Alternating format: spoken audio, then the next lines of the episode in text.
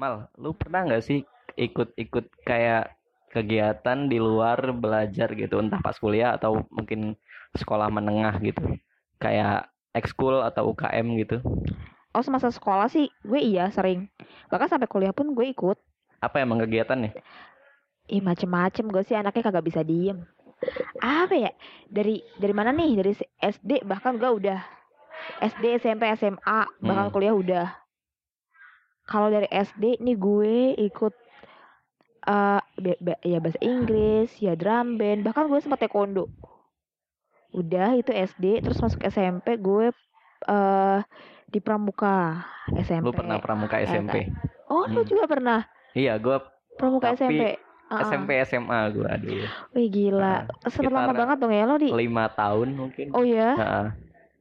Waduh, berarti udah pramuka penggalang, penggalang apa sih namanya? penggalang penegak. Yang paling atas, oh penegak, Oh, atasnya ada atasnya ada pandega sih cuma gue mentok sampai peng- baru penegak. penegak Kan kalau yang penggalang, kuning iya, nah itu yang dia maksud talinya gue. kuning Kan kalau penggalang biasa itu kan merah ya, berarti lo udah sampai kuning. Eh, ya tali tali kurnya yang kiri itu itu kuning I see. karena kan emang Heeh. dihitungnya kan dari umur kalau nggak salah kalau kan siaga tuh kalau SD Mm-mm. terus penggalang itu sekitar umur SMP lah kalau penegak itu sebenarnya bisa aja sih kayak kuliah gitu umur 17 ke atas masih penegak itu bisa aja tapi kalau di sistemnya pramuka di pondok gua itu kalau SMP penggalang kalau SMA penegak udah gitu Oh pondok. Ah, Oh oke. dulu- lo dulu pesantren ya. iya iya Oh, gitu Terus kalau misalnya kan yang yang apa tali kurnya tadi galang itu kuning, kalau penegak tuh apa? Eh pandega penggal- itu kuning. pandega itu kalau nggak salah eh hijau apa bukan ya gue lupa soalnya Hijau gua bukannya siaga ya? eh hijau siaga ya Hijau oh, berarti siaga. kalau pandega itu Buku kayak sakunya soalnya gue kayak ingat. apa ya nanti ada ah gue lupa namanya gue udah lupa nggak ini apa sih? yang di pundaknya itu Oh yang kayak polisi-polisi Eh, gitu ya? bintara apa apa ya lupa gue namanya Heeh. nah itulah pokoknya nah itu kayak ada tes tesnya lagi gitu Pelantikan. Jadi tiap bed Iya. itu ada pelantikan ya? Mm-mm. Iya ya lagi. entah apa ya kalau pramuka di pondok itu yang gua rasa dan yang gua lihat itu kayak mungkin rada beda dengan pramuka yang di luar karena di di luar gua nggak wah agak perbedaan nih terus gue akhirnya cuma pramuka pas gue di pondok doang dan akhirnya tidak memutuskan sampai sekarang gitu Oh gitu. Kenapa? karena apa ya gue tidak menemukan keasikan yang dulu atau mungkin gue tidak menemukan teman juga yang untuk ke arah sana gitu Oke dalam Dan- artian lingkungannya yang- udah berbeda ya. apa iya dan gue kayak udah menemukan ini yang lain lah gitu Ho- ini yang eh, Interest kesibukan yang yang, lain. interest yang lain I gitu see. Itu. ya gitu Itu dari SMP lo ya? Hmm, Berarti eh SMA lo masih sama pramuka. iya gue Oke. masih pramuka juga sampai SMA gitu Oh, gue SMA udah beda sih. Gue SMA Hmm. itu udah awal awalnya awal Hmm. banget gue kayaknya kelas 1 gue sempat ikutin jurnalis-jurnalis gitu tuh. Widi penulis penulis Eh, enggak nulis, gue malah job desk gue nih tiap minggu jadi Reporter. koor mading. Hah? Koor Oh, mading kayak ngurus-ngurusin mading itu kan. Mm, Terus gue udah ke- uh, koornya berarti yang harus tanggung jawab kan. mm. Terus gue ngerasa tapi kayak berarti lu nggak ini berita enggak, gue Oh. kayak nyari-nyari dari majalah, dari sosial Oh. media, dari web dan segala macamnya. Tapi dalam seminggu itu misalkannya ada 10 orang nih anggotanya. Mm, Karena gue koor dan harus bertanggung jawab atas kelompok gue, mm. ya udah deh tuh. Maksudnya gue udah ngeflorin nih, udah eh ayo bikin mading yuk di sini Hmm. sini sini. Itu yang respon dan yang kerja banget kayak cuma 3 4 orang, cuy. gue tuh kayak capek sendiri. Ah. Alhasil lah gue pindah ke apa? Ekskul seni. Dulu namanya Garnisun Sanggar Seni SMUN 6 Mm. ya udah dah tuh gue udah di situ di Sanggar Seni gue banyak. Seninya kan banyak. Eh, ada teater saman dance padus. Cuma gue nah gue eh, ikut teater saman sama padus. Cuma padusnya ini berhubung suara gue nada-nada minor Mm. yang aduh kayaknya nggak diterima deh kalau padus. Gue jadi di bagian dirijen. Nah gue Oh, tuh jadi dirijen. Jadi padus tuh jadi kayak bukan padusnya ya? Eh, ya gue nggak bisa nebak suara cuy. Mohon Eh. maaf gue gue punya apa ya? Suara gue ya udah akhirnya di SMA itu gue jadi dirijen. Terus ya sekarang kuliah ini saat ini Hmm. kemarin waktu gue kuliah gue ikut uh, satu UKM doang. Eh enggak sebenarnya ada dua deh himpunan mahasiswa himpunan mahasiswa di prodi gue. Hmm. dan marching band yang yang paling menyita waktu dan Oh, kesibukan berarti dan gue. paling menyita waktu. Nah, kan lu kan bisa masuk marching tuh pas kuliah. Sebenarnya apa sih yang bikin lu tertarik dengan marching band? Apakah emang marching band di kampus lu itu eh, salah Kampus satu lo, kampus kita. Kampus Iya. kita. ya kampus lu kampus kita di Eh. kampus lu itu merupakan eh, apa ya salah satu yang terpandang terus banyak prestasinya jadi lu kayak tertarik gitu Oke, awalnya gue masuk itu karena jujur karena demo semacam demo ekskul ya, yang awal-awal kalau ada mahasiswa baru datang, terus kayak oh dia ada nampil-nampil beberapa Hmm, UKM dan jujur kayak eh, apa ya ya itulah penampilan penampilan gitu hmm, kan penampilan dari masing-masing pas UKM itu mahasiswa kan. baru ah. Ha-ha. Terus gue paling tertarik di situ karena itu adalah sebuah performing art yang memadukan musik dan tari. Yang menurut gue itu nilai seni yang tinggi karena uh, waktu SMA gue kan ikutnya saman sama teater. iya jadi itu yang bisa menggabungkan teatrikal sama iya, nah bener banget. Hmm. Udah gitu ada musik. Sebenarnya gue Hmm, interest dengan musik tapi gue nggak bisa nih main musik. J- hmm. Jadi kayak yaudah gue ikut Yang ikut lah organisasi gitu itu ya. untuk Hmm. ya ya niatnya untuk mengembangkan diri aja sih biar bisa gitu. Nah kalau lo kan dari SMP SMA pramuka nih, iya Heeh. Gua lanjutin pramuka. gak nih pas kuliah? apa ya gue ngelihatnya udah pramuka yang dulu gue gelutin itu Hmm. udah rada berbeda gitu lah ketika di luar dan gue Heeh. merasanya kayak soalnya kalau di dulu pas gue dulu di pondok Hmm. di SMP SMA itu pramuka itu merupakan entah top 3 apa top 2 lah itu Oh. yang ekskul di apa terpandang gitu lah di sekolah gue Jadi Gitu. awal lo mau masuk pramuka waktu di SMP lo karena ah, kelihatannya eksis banget nih ekskul gitu atau ada kah faktor lain? ya itu ya gue ngerasa ya keren aja gitu keren terus ya Masuk jadi anak eksis gitu. Iya, tapi eh, tapi itu gue baru nemunya pas ini sih. Gue udah mulai S, dua, dua tahun atau tiga tahun jadi pas mungkin pas SMA gitu loh.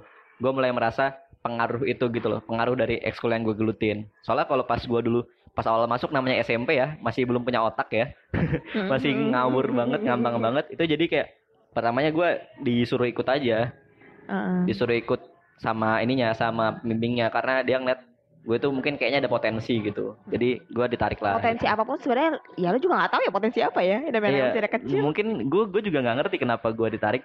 Soalnya waktu itu kan eh, yang namanya pramuka kan ada kayak pasukan-pasukannya sendiri gitu kan. Nah kalau waktu itu di sekolah gue itu pasukannya ada delapan. Entah kenapa gue langsung ditarik ke pasukan yang eh, yang topnya lah top top 4-nya lah gitu Heeh. Mm-mm. salah satu di antara top top 4 itu. Nah, gue juga nggak tahu kenapa tiba-tiba nariknya ke gua gitu. Apa mungkin dulu kan gua eh, ini ada latihan pidato tiga bahasa kan, bahasa Indonesia, bahasa Inggris, bahasa Arab. Nah, terus waktu dulu gua kelas 1 SMP itu gua disuruh eh ngapalin pembukaan dari itu, pembukaan dari pembukaan doang gitu, dari pidato tiga bahasa itu dan kebetulan pas dites gua sedikit dari yang bisa ngapal udah ngapalin itu jadi ya gua ada modal otak lah gitu ada potensi Jadi di dari otak. pidato itu buat Mm. modal masuk pramuka. Mm-mm. tapi kayaknya apa doi? kayaknya kayaknya itu kayaknya itu itu soalnya gini kalau di pondok itu misalkan ada perkemahan pramuka ada perlombaan pramuka itu nanti kayak ada perlombaan perlombaannya nah salah satu perlombaan itu itu pidato tiga bahasa gitu karena gue dirasa punya potensi dalam kebahasaan dan dalam otak jadi gue direkrut lah jadi kan kalau direkrut ntar gue punya pasukan yang kuat gitu loh punya pasukan yang bisa menang di perkemahan di perlombaan-perlombaan gitu Oh, jadi nah gue ngerasanya sih gitu perlombaannya yang pramuka tuh bukan kayak baris berbaris. Bikin itu juga ada. pandu. jadi kayak Oh, eh, pramuka di pondok kalau yang gue perhatiin kalau pramuka kan kayak eh, SMS ya semapur morse sandi kalau lo tahu. Eh, terus kayak baris berbaris. Terus misalkan eh, pendirian tenda P3K yang bener-bener pramuka banget. Nah kar- dan karena dia tempatnya di pondok pesantren maka digabung dengan apa-apa aja yang dipelajari di pondok pesantren. Misalkan kayak kaligrafi terus seni-seni yang lain seni-seni tari mungkin. Terus ya pokoknya pesantren banget lah pidato tiga bahasa gitu-gitu. Gitu jadi itu yang kenapa gue sebut pramuka di dalam pondok sama di luar tuh agak beda itu Berarti lo SMP sama SMA pondoknya nih sama.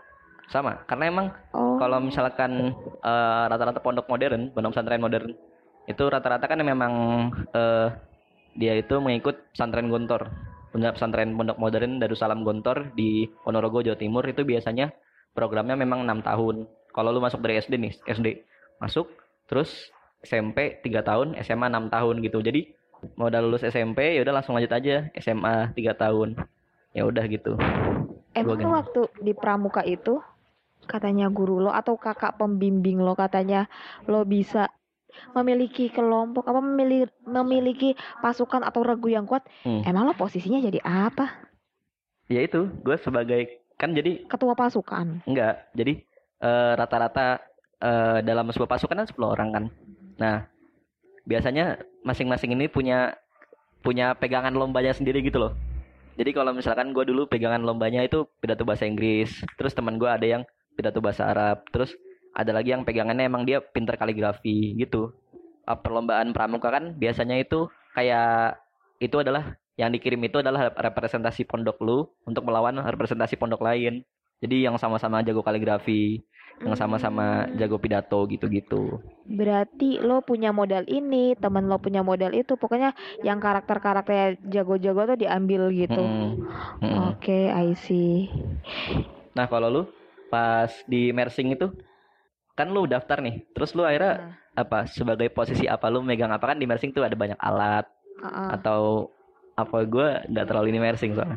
Oke, jadi kalau misalnya di Band itu ada empat section, ada namanya B3, kayak ada drum, bass drum, quintom, Yang ditabuh-tabuh dipukul-pukul lah ya. AA, terus eh, kalau yang ditabuh lagi ada mepit, pit instrumen, Mm. yang eh, yang ketiga ada brass, alat musik tiup, Mm. yang ada trumpet, melofon, bariton, tuba. Mm. Terus section gue nih, yang section yang bergerak di bidang visual ini namanya color guard. Mm. Jadi color Yang guard tidak nyambung dengan musik ya. sebenarnya gue lebih ke gerakan sih kayak ibaratnya kayak untuk dalam per- uh, suatu performing art itu gue Hmm. kayak yang bagian nari-narinya tapi bukan nari biasa ya kita technically kita ada ada main equipment juga ada yang Hmm. namanya flag flag itu bendera ada Bendera. saber saber itu pedang terus kemudian ada rifle rifle tuh kayak modelnya senapan kayak gitu dan Hmm. gue masuk section itu dan kalau untuk posisinya waktu tahun dua, uh, kejuaraan tahun 2016 itu gue kedapetan jadi section leader Mm. section leader tuh jadi kayak ya ketua tuanya ketuanya anak-anak guard ini Anak-anak yang visual berarti. iya anak-anak visual jadi kayak yang ngebi yang ngebimbing ya kayak Hmm. kalau uh, kasarnya gini deh kalau misalnya di cheers tuh ada kapten Kalau apa? kalau di cheerleader tuh ada Ah. kapten Oh. nah gue posisinya kaptennya Lu sebagai kayak ini. gitu Tapi berarti eh, kalau misalkan kayak oh formasinya gue harus kayak gini, gue harus kayak gini. Itu lu udah mengetahui atau emang nanti ada pembinanya lagi dari nah kalau untuk masalah formasi itu Hmm. akan diatur oleh pihak uh, pelatih. Mm. jadi gue kayak uh, gue tuh uh, kerja job desk gue kayak cuma yang ngebimbing anak-anaknya kayak ya jarkom latihan atau mungkin ada dari playernya sendiri. Anak-anak gue nggak bukan anak-anak gue masih ya maksudnya regu Iya, gue nih section gue. Uh, misalnya ada masalah atau uh, dia memiliki suatu hambatan dalam latihan gue yang harus ngebimbing Hmm. gitu loh ya sebagai eh, jem- jembatan antara uh, dia eh, si si personal si player dengan pelatih atau mungkin Atau dengan yang lain gitu ya, I- dengan anggota yang lain. Ah, iya benar. Lu berarti ikut itu berapa lama tuh? Dari semen, apa semenjak lu masuk kuliah atau atau ah gue tahun kedua aja nih baru mulai ketika tahun pertama gue nyoba ini dulu nyoba adaptasi dulu gitu. Gue di marching band dari awal banget. Benar-benar dari pertama masuk semester 1 sampai kejuaraan Thailand itu tahun 2017. Dari 14 ke 17 berapa tahun tuh? Tiga tahun. Tiga tahun. Berarti Ah. gue tiga tahun di marching band. Selebihnya gue cuma jadi official official aja yang ngebantu-bantuin. Berarti Gitu. ini kayak ngebantu-bantuin pas Iya, lomba atau apa tiga gitu. tahun. Oh, Lebih lama lo nggak sih lo? Lo berapa tahun? lima mungkin. Lima ya. Udah gue dari Gila. kelas 2 SMP sampai kelas Tiga SMA. ya Iya, tiga SMA ya. Tiga. Iya. Satu SMP-nya lo ngapain itu? Satu satu SMP itu ya masih ya masih gitu, masih cuma perkenalan gitu, Heeh, lebih masih belum adaptasi berani gitu-gitu ya. ambil ekskul Heeh. gitu ya. eh gua emang sebenarnya dari kelas 1 satu SMP akhir itu sebenarnya gua udah kayak ditarikin ke pasukan salah satu pasukan tapi kayak gua baru mulai ikut perkemahan baru mulai kayak ikut lomba-lomba itu ya pas gua kelas 2 jadi sebenarnya ofisialnya kelas 2 sih mungkin Oh, jadi Tapi udah itu mulai satu tuh kayak berpengalaman ya udah di kelas 2. Hmm. Oke, oke. mulai dikirim ke pondok lain tuh gua kelas 2 Berarti eh, di kelas 2 itu udah lo mulai aktif banget nih. Iya, gue baru ikut lomba mulai apa aja sih? aktif. Kalau jadi kan kalau misalkan untuk sebuah perlombaan ya perkemahan ada di pondok gue sendiri ada. I- apa pernah ikut juga di pondok-pondok lain. Semenjak gue dari kelas 2 sampai kelas 2 SMA aja sih. Kelas 3 SMA-nya gue lebih kayak ya tetap ngelatih-ngelatih aja ya sama kayak lu lah. Berarti tiap tahun lo mengikuti lomba gitu. Iya, tiap tahun gue dikirim Beneran tiap dikirim tahun. keluar eh, dikirim keluar pondok Berarti ya. tiap tahun lo dapet ini nih, surat dispen gitu. Iya, Pasti banget. Wah, gila. soalnya Sering eh, sering banget gak ada dong lo ya di Apa? kelas. Sering banget gak ada di kelas dong lo ya. Iya. Soalnya I emang see, I see. emang gitu gue kalau emang kalau misalkan untuk kita mencapai kejayaan ya di dalam Iya, perlombaan Bener. kita kan emang lat- latihannya harus bener-bener ngoyo ya. Heeh. jadi gue biasanya pengorbanan. iya. Jadi gue biasanya emang rata-rata dalam seminggu itu kalau walaupun gak ada perlombaan itu gue biasanya latihan biasanya kalau sore-sore itu latihan baris berbaris. Baris berbaris itu kan soalnya berpikirnya kan baris berbaris kan harus semuanya gitu loh. Harus eh, ya apa satu pasukan itu 10 orang itu. Jadi biasanya sore-sore itu baris berbaris, yel-yel dan lain-lain. Itu terus malamnya baru latihan kayak yang tadi lomba-lomba gua individu yang gua pegang, misalnya kayak gua pidato bahasa Inggris apa teman gua latihan kaligrafi gitu-gitu. Jadi even gak ada lomba lo tetap latihan. Hmm, karena ya itu karena gua apa namanya? eh, kan gue emang top 4 gitu kan. Jadi emang Ha-ha. ekspektasinya tinggi di situ dan gue emang harus latihan terus. Gunanya Iya. buat apa tuh? Maksudnya tapi kayak jadi kayak memang kan ada agenda tahunan gitu kan untuk perlombaan gitu tapi kadang-kadang itu pun tiba-tiba gitu loh datangnya tiba-tiba terus nanti wah kita butuh eh, pasukan untuk dikirim sebagai pres- pres- apa representasi dari pondok kita tapi cuma butuh waktunya eh cuma cuma tenggat jedanya itu paling cuma seminggu nah jadi itu jadi kan kita nggak mungkin dong bisa mempersiapkan eh, persiapan dari awal. Iya, kita nggak mungkin dong Oh, bisa I see. mempersiapkan bener-bener jadi top tim itu cuma dalam waktu seminggu. Soalnya kan kan tadi gue bilang itu eh, delapan pasukan ya. Jadi kita harus bersaing dengan tujuh pasukan yang lain untuk bisa dikirim ke ini, untuk bisa mendapatkan privilege-privilege gitu kayak misalkan tidak masuk kelas. jadi kalau misalkan di pondok pun itu kan disiplinnya ke- kencang gitu ya. Misalkan kayak eh, harus sholat jamaah, harus sholat apa? Harus sholat jamaah di masjid. Kalau nggak itu mungkin eh, kegiatan-kegiatan itu kita harus ikut. Tapi kalau misalkan hamin sebulan itu biasanya kita dikasih kayak kelonggaran. Jadi apa namanya boleh sholat di kamar gitu. Jadi Oke. Gitu Dihitung-hitung, enakan dari ini. dihitung-hitung itu udah berapa kali doi lo ikut perlombaan Ikut perlombaan ya. setelah setelah lima tahun mengabdi nih. Gua kalau secara total ya perkemahan yang pernah gue ikutin kayaknya sekitar 7 sampai 9. Itu termasuk internal sama eksternal. Maksudnya kayak di dalam pondok atau di luar pondok gitu. Nah, tapi kalau misalkan kayak untuk dikirimnya mungkin dikirim keluar pondok untuk lomba sih mungkin 5 sih. 5 5 kalian gitu. Gila, berarti dalam setahun lebih dari satu lomba dong. Bisa sampai dua apa tiga kali gitu. Bisa bisa sekali sampai dua kali gua dikirimnya. Tapi maksimal dua kali sih. Soalnya kalau kalau lebih dari dua kayaknya nggak mungkin. Soalnya kayak bisa juga ada. Jadi misalkan gua masih dikirim masih dikirim untuk lomba di mana Eh, dan ntar temen gua yang lain yang pasukan yang lain tuh ada juga yang dikirim. Jadi ada dua acara dalam satu waktu. Itu bisa aja. Jadi kayak pas gua pulang, misalkan bawa piala gitu, nah temen gue juga pulang gitu. Jadi bisa ada, ada kayak gitu. I see, I see. Jadi di tempat ah, lombanya di tempat dan waktu yang berbeda ya. Mm-mm, Oke. bisa dalam satu waktu itu. Oke. Makanya itu Ha-ha. gunanya delapan pasukan itu ya itu. Wah anjir, iya ya. dan biar emang ada persaingan aja. Kalau lu kan Nebar saham heeh, ya. kalau lu kan emang masuk inti ya udah pasti pasti kekirim semua ya. I- Heeh. iya bisa jadi. Biasanya yang nggak kekirim itu yang junior junior sih. Jadi kayak paling iya. Ah, kalau misalnya junior masih baru banget itu kayak nggak deh karena belum ada basic kan ya paling Mm-mm. kalau misalnya udah lomba yang biasanya kita range waktunya tuh setahun kurang dan Oh kalau di biasanya setahun untuk menyiapin satu perlombaan ya. iya Hmm. karena MB nggak bisa seinstan itu ya Hmm. gue dulu kalau misalnya pasaman itu bisa ah, latihan itu kayak cuma hamin seminggu oke bisa. Oh. tapi kan kalau marching kan enggak kan. Jadi kayak kita harus ngerancang temanya Mm-mm. apa Apa tuh? Mungkin karena musiknya. kerumitan ya. iya serumit itu. Makanya marching ya susahnya tuh di situ. Hmm. bikin koreonya terus bikin displaynya. Displaynya tuh kayak yang kita tuh perlu titik koordinat tiap tiap kita Oh iya berpindah iya gitu gua, loh gua, gua tahu Ha-ha. titik- iya kayak misalnya koordinat. dari D3 kayak pakai ke pot-pot gitu ya. J11 itu Hmm. harus lari berapa langkah Hmm. dengan ah, musiknya kayak gini Hmm. kayak gini gerakannya kayak gini kayak gini itu kan sulit banget apalagi Berarti lu kita ngapalin ya? ngapalin cuy gila siang-siang panas Hmm. terik itu bener-bener ya udah gosong ya gosong dekil ya dekil gitu loh kayak oh my god ya udah bener-bener yang udah Hmm. pahit-pahitnya banget ya MB prestasi paling bergengsi lo apa sih Gua juara umum di Gontor. sumpah Heeh. sumpah Iya, jadi waktu itu 2011. Jadi itu kayak emang rekornya dan belum per- belum dipecahin dari zaman dulu pondok gue berdiri sampai sekarang pun adik-adik gue belum ada yang bisa nyamain prestasi itu. jadi yang bisa itu waktu itu cuma regu lo Ah. angkatan lo Gue angkatan gue sama angkatan itu. atas gue. Jadi gue waktu itu penggalang. dua kali berturut-turut Enggak, sekali doang. Pas gue jadi penggalang, terus atas gue itu penegak yang paling besarnya lah.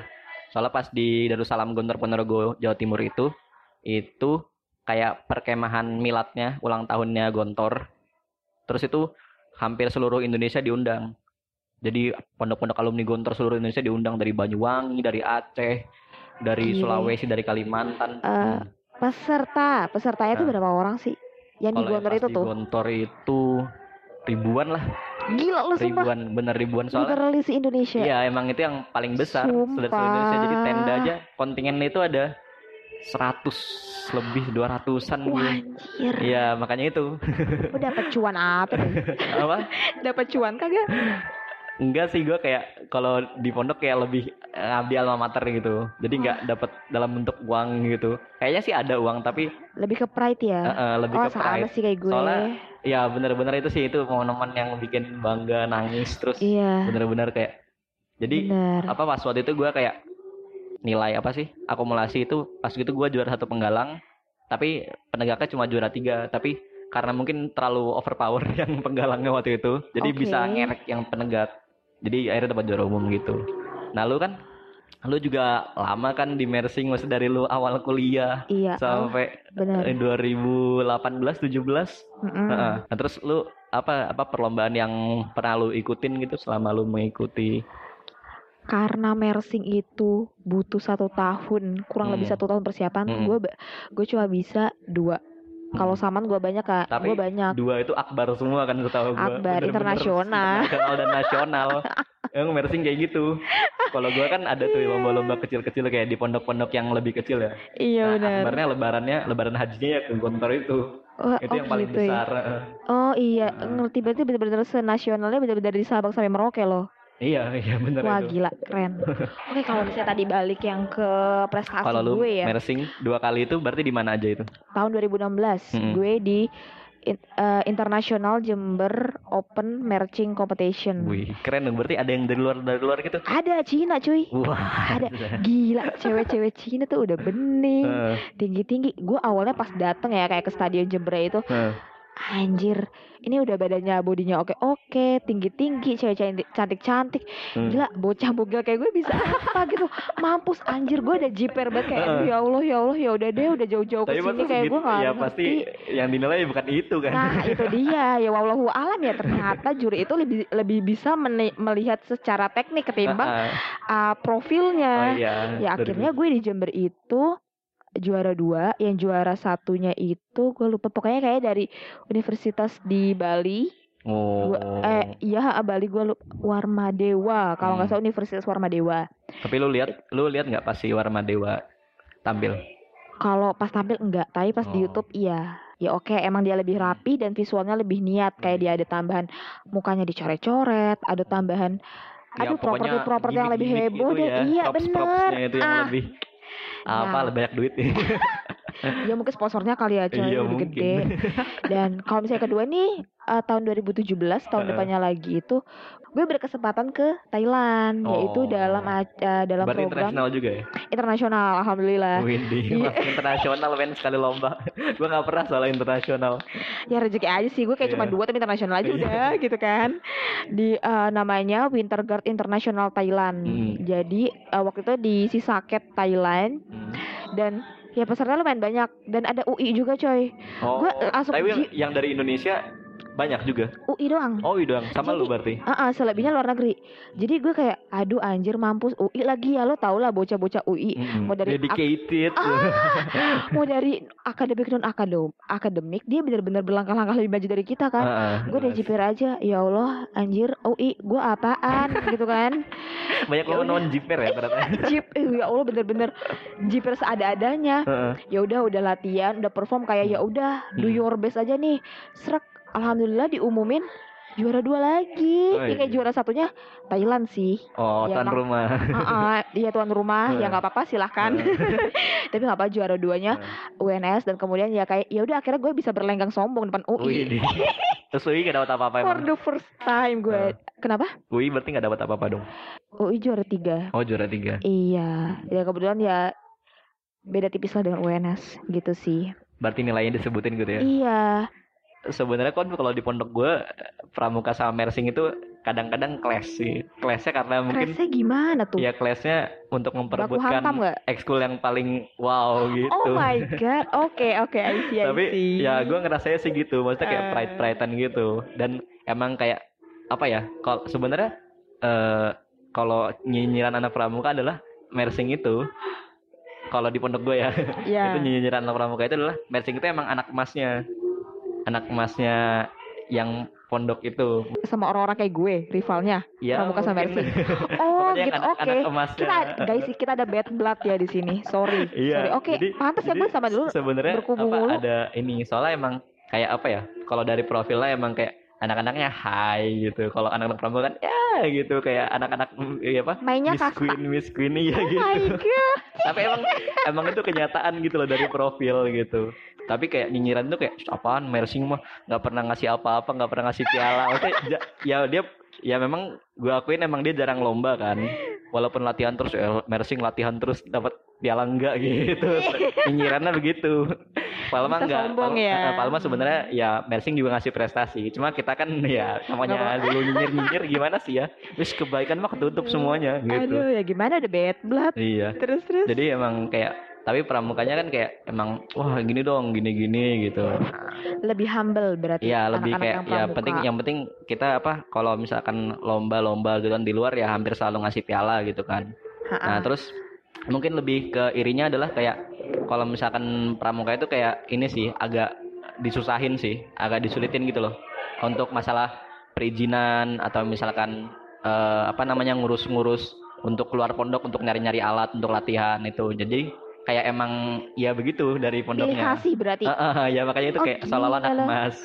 Terus misalkan misalkan ngajuin TC gitu kan, TC training center gitu kan. Kalau misalkan anak pramuka mah paling cuma dikasihnya paling banter itu paling tiga hari gitu. Nah kalau anak mersing di tempat gue itu bisa kayak sebulan nggak masuk kelas gara-gara ini gara-gara latihan. gila, gila. Makanya kayak ya itu kayak mersing nih sosokan nih latihan sebulan nggak dapat dan apa-apa nggak juga ada yang ya, protes gitu. Apa? atas keadilan itu tidak ada yang protes tapi mm, ya protesnya protes protes protes yang enggak ya ibu nggak cuma langsung ke sana ya? nyinyir. ya cuma nyinyir Ya, kita mau protes jiwa sama netizen nih Iya. gimana protes masa langsung ke pemimpin pondoknya kan nggak bisa lah. Jadi ya nggak bisa dua arah ya. Kita nurutin aja. Yang penting kita nggak apa kasih yang terbaik gitu lah. Pas lombanya sih doi kayak ada kejadian lucu nggak? Apa ya gue kalau nggak terlupakan nih apa Aduh. kecelakaan? Apa tiba-tiba jatuh? Apa tiba-tiba lu? Solong. Apa ya kalau perlombaan. Cinlok mungkin dengan grup lain ada yang ceweknya? Eng- Enggak sih kalau misalkan ini cowok semua kalaupun ada perkemahan cewek biasanya habis perkemahan cowok. Jadi berapa hari setelah perkemahan cowok nanti ada perkemahan oh cewek. beda hari. Gue kira walaupun digabung. Nah, pondoknya sama gitu dan acaranya oh, oke sama. oke. Apa ya? Coba lu aja dulu deh. Lu dari persiapan dulu deh Pasti kan Mercy Terus kan persiapannya wah setiap Ya, malam-malam latihan bener pasti. bener bener Hmm. kayak sibuk banget kan Hmm. ada kita namanya latihan reguler latihan Hmm. reguler aja dari biasanya dari maghrib setengah tujuh sampai jam 10-an itu latihan Hmm. reguler terus kita juga ada program yang namanya latjang atau latihan panjang itu dari jam 9 pagi sampai jam 9 malam seharian kalau Wow, kalau wow, libur tuh kalau kayak weekend gitu deh Heeh. Nah terus ada lagi yang namanya band camp band, itu Bandcamp. biasanya nginep TC gitu ya, training center. TC gitu. T- Ah, training center ih ah. bener banget ih eh, pramuka juga ada ya Iya, ada harusnya. harusnya ada, cuma Nah, iya, ya perizinan ada. itu. Nah, kalau misalnya band camp tiga hari, Ah. training center dua hari, dan kita Ah. tuh nginepnya ya udah beralaskan tikar. Wah. Kayak yuk, lu bangun-bangun bukannya relax, malah kayak aduh gila gempor badan gue Tapi berarti capek, itu nginepnya di apa di mes di kampus apa di aula? Eh, kalau tahu pernah di gor, Hmm. pernah kayak aula aula rapatnya anak BEM dulu, namanya di eh, di gedung Porsima. Pokoknya Hmm. tempat rapatnya anak anak BEM, ya udah lo lo gelar aja, tiker ya Tapi udah lu bawa tidur. sendiri-sendiri gitu tiker gitu. Oh enggak jelas di sana. Oh, Gua beneran kayak gue udah bermodalkan bantal itu eh, apa namanya tas yang grenjel-grenjel yang itu Oh. isinya tuh Nah, kenapa nggak kenapa nggak bawa bantal sendiri gitu? Kayak bantal leher gitu. repot cuy. Kayak kepenuhan. Dan dan gue kayak bandcamp tuh tiap minggu. Terus kayak ya udah ya udah ngapain lah manja-manjaan gitu kan. Oh ya lu ah gue lolos gitu ya. Itu apesnya. Terus kalau itu pas latihan ya. Hmm. nah pas lombanya ini. Kalau misalnya waktu di Jember kayaknya gue nggak nggak seberapa sih biasa aja coba Hmm. di Thailand Nah, nah Wah pasti itu lingkungan Wah. baru, negara baru ya. Percobaan-percobaan pasti banyak terjadi. Nah iya itu dia. Nah di Thailand itu kan gua kan gua kan punya darah rendahnya. Mm-mm. Yang kalau misalnya tiap capek itu gue suka kambuh. Suka Dan- kayak menggeliang gitu ya. Eh bu- lebih parah cuy. Gue kayak yang lo tahu badan kayak kaku, kaku yang kayak gue frozen. kayak orang stroke, kayak orang stroke dan ya Allah badan gue kayak orang kena azab. Kaku, kaku ya kayak orang stroke. kaku-kakunya. I, sekaku itu sampai gue juga nggak tahu na- nangis-nangis dan segala macam cuma gue biasa diobati dengan ya udah didiemin aja diungkep ntar juga gue relax sendiri gitu kan Oke. Nah, terus abis itu, di Thailand nih abis abis eh, perform nih udah show lomba seret setelah keluar lapangan gue Hmm. sesak napas udah gue sesak napas gue ke kamar mandi ke toilet gue kayak muntah-muntah Heeh. abis muntah-muntah gue udah gak kuat jalan tiba-tiba gue di eh, ada teman-teman temen gue yang teriak-teriak kayak kamal nih kamal nih kamal nih gitu kan Kenapa? ini? ah Mm-mm. gue langsung gak sadar eh, setengah sadar gue langsung digotong masukin ambulans orang Gak pernah tuh gue masuk ambulan seumur umur hidup. gue masuk ambulan gue di Thailand terus gue nggak tahu ya tipe pengobatannya Thailand apa Hmm. gimana kayak di hidung gue kayak dilewatin diambu-ambuin Minyak kayu semacam putih gitu. ya mungkin kalau orang Indonesia minyak kayu putih ya tapi kalau misalnya Minyak orang apa? Thailand tuh kayak gue nggak ngerti tuh minyak apa kayak baunya sumpah kayak ketek abang angkot tau nggak Oh, ber- berarti nggak enak ya, nggak refreshing. nggak enak banget nggak enak banget tapi Atau jangan-jangan emang Gua- olesan abangnya. ah, Olesan bisa jadi sih gue gue curiga itu sih. Gue gue kayak ini nggak enak tapi gue otak gue tidak bisa ah, otak gue merespon itu tapi fisik gue nggak bisa karena terlalu Hmm. Iya. lemah gitu kan. Terus udah gue masuk nih ke rumah sakit. Udah masuk ke rumah sakit gue akhirnya har ah, apa namanya ah, sama satu ah, satu manajer gue yang di, ah, ditemenin cuma pas saat nih saat bawa keranjang saat bawa tempat tidur itu kan, kan gue didorong gitu kan Ah. di, ah, di diletakin ke tempat tidur kemudian didorong jasad jasad astagfirullahaladzim badan gue ini fisik gue Heeh. jadi manajer sama dokternya eh manajer sama susternya udah keluar dari lift gue ditinggal di lift cuy Nah, gue ditinggal di lift pakai pakai tiduran itu doang gue sendiri ini ah gue tuh kayak setengah sadar kayak ini di mana? gitu. mikir ah kok kanan kiri gue kayak nggak ada orang ya? Hah, kok gue di kok gue di lift naik turun sendiri? Terus kemudian ada eh, suara ibu-ibu kayak masuk ke dalam lift teriak.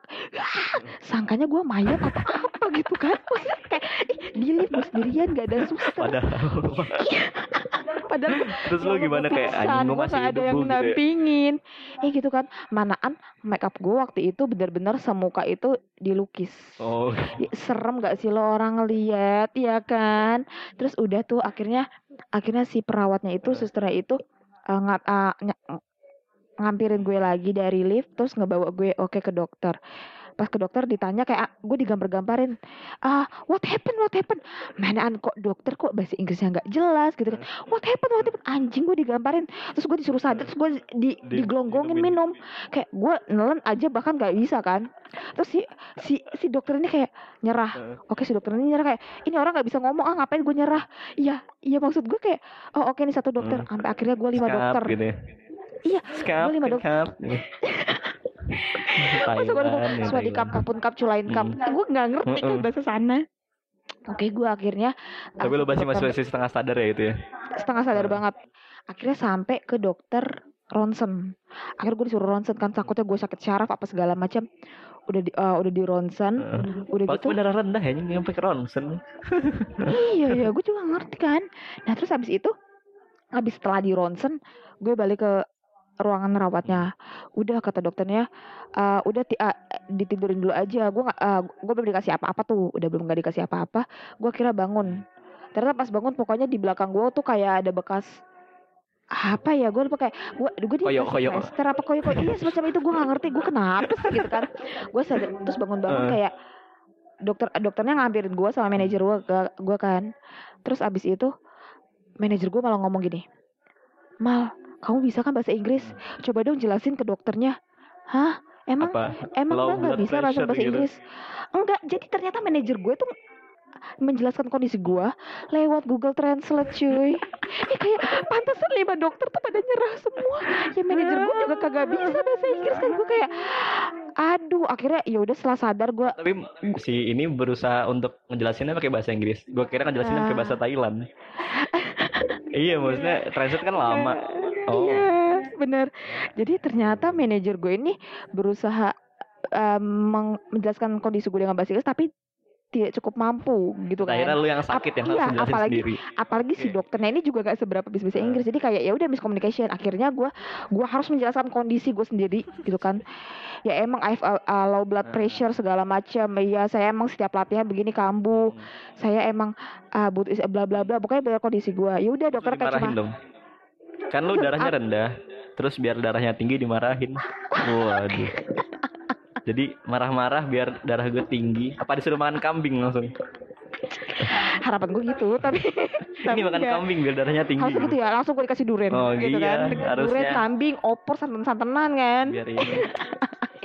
ini enggak ini enggak akhirnya ya udah eh, dokternya iya iya aja baik banget lagi tuh dokter yang terakhir akhirnya eh, ngasih gua resep lah Hmm. tuh ngasih gua prescription minta ditebus ke eh, apoteknya. Kan gue nunggu nih Hmm. nama gue dipanggil. Duh nama gue kan Indonesia banget ya Amalia Razak Sari Gimana cara manggil Hmm. ah, Gimana ya cara gue biar tahu? Udah pokoknya, pokoknya gue bermodalkan standby kuping nih.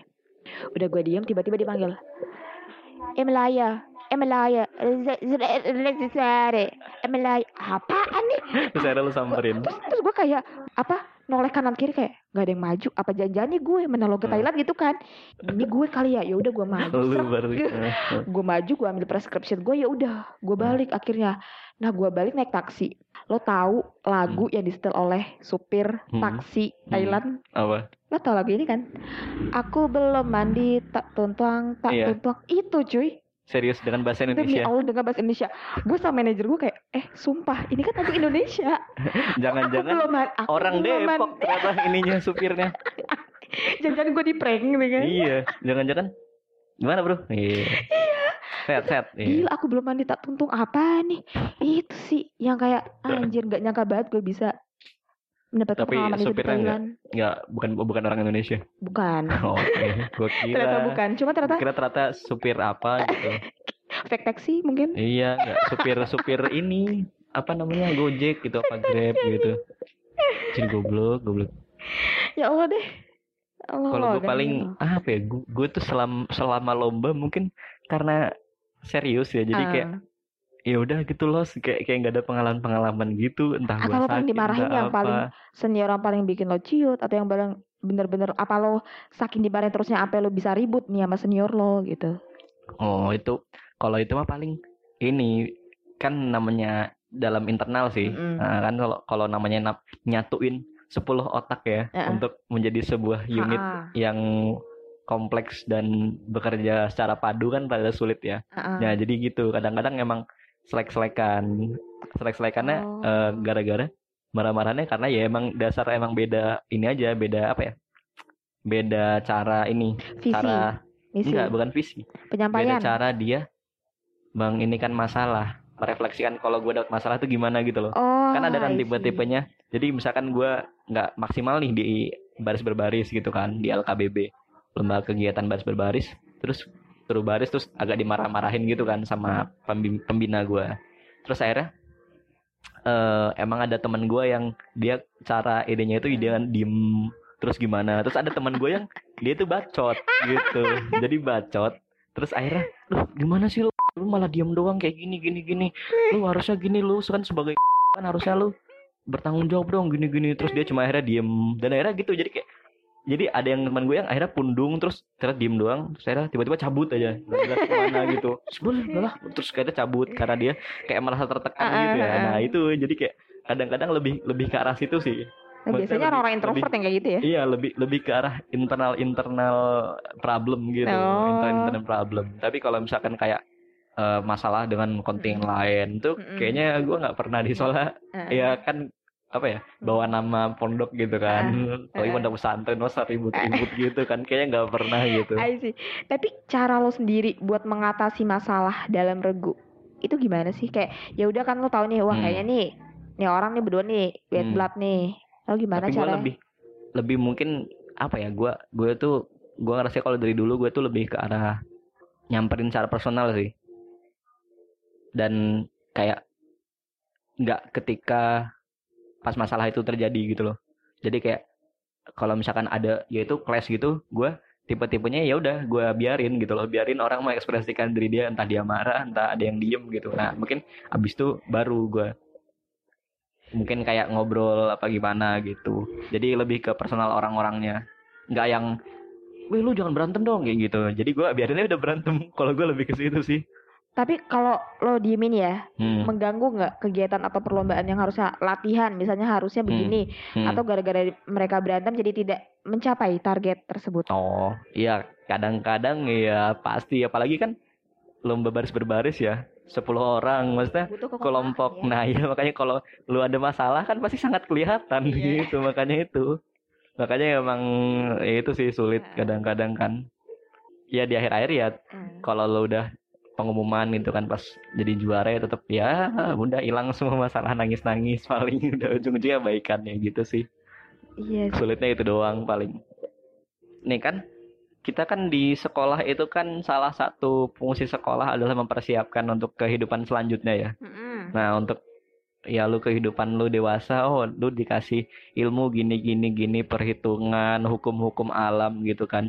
Nah, terus menurut lu itu ekskul kan juga bagian dari sekolah. UKM atau ekskul kan bagian dari sekolah atau kuliah kan. Nah, apa yang bener-bener bisa lu aplikasiin gitu dari MB, mersing atau mungkin dari ekskul-ekskul lu terdahulu terhadap kehidupan lu sekarang gitu kan. Misalkan kayak oh gua dulu eh, kaptennya color guard, kaptennya visual. Terus oh gue jadi secara ini gue lebih bisa menginikan koreo orang. Jadi gue bisa sedikit menilai koreo atau gue bisa kayak oh gue jadi apa gitu, jadi jago dance atau gimana gitu. Mungkin dari lu.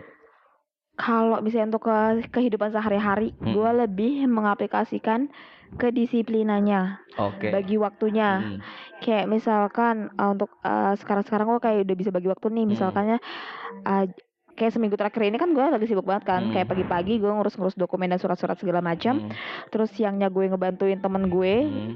beserta kerjaan-kerjaannya, dan uh, mungkin malamnya gue lebih kayak ngegunain kayak kemarin nonton Hmm. atau terus pergi lagi sama orang Hmm. lain ya lebih ke me time-nya Hmm. jadi dengan kedisiplinan itu gue bisa mengatur waktu dan jadwal gue Selain lebih baik kedisiplinan gitu. selain kedisiplinan lebih ke badan gue aja ngerasa lebih Oh, sehat gitu. kayak ya udah karena Berarti gue nggak ada yang kayak hard skill banget gitu. hard Hard skill skill hard maksudnya lu kan lu megang color guard yang biasa oh megang kalau itu sih pasti pasti sampai sekarang gue sering kok di eh, di Instagram gue kayak sama temen gue itu Hmm. kayak eh cover ini yuk eh cover ini yuk ya kayak lebih ya eh untuk Atletis. atletis kayak Oh. ya emang ya mungkin uh, karena udah senior juga jadi kita Hmm. kalau misalnya lihat suatu uh, uh, show marching band Hmm. entah dari unit mana kita bisa Hmm. nilai oh color guardnya kayak gini kayak gini kayak gini nih Hmm. kayak ya bisa sosok jadi kayak Iya, kritikus lah kritikus iya. Ya, kalau gimana Hmm. apa kalau menjadi eh kan lo katanya udah ngelatih nih ya Terus setelah jadi pelatih tuh kayak apa yang bisa lo terapin Oh, iya gua sih kalau misalkan pramuka ya, yang sebenarnya gua ngerasanya itu pramuka itu mengubah sifat gua. Nah, gua gua ngerasanya kalau gua dulu di SD itu adalah bullyable. ya sama sih sekarang juga bullyable. Eh di SD, berarti lo cupu dulu iya cupu. Sampai sekarang gak cupu kayaknya. ah rendah untuk meroket lo terus Iya, maksudnya gue cupu terus kayak pinter-pinter gitu, pinter, pinter, pinter-pinter diem gitu loh. nerd maksud Mm-mm. lo nerd nerd gitu Iya, terus jadi Oh gue God. dicengin, terus disengin, terus gue ya diem Serius aja, something like that kayak SD gitu. Nah terus kayak gue masuk pramuka itu kayak ya udah gue jadi kayak sebacot sekarang, segila sekarang, serandom Lebih bisa speak sekarang. up. Iya lebih bisa speak up dan ya itu gue kayak merubah jadi orang gue yang darinya diem terus jadi orang yang nyablak orang yang bacot orang yang oh bacot mulu terus seru gitu. Itu sih yang gue kayak itu yang paling banget gue rasain kalau secara soft skill soft skill ya.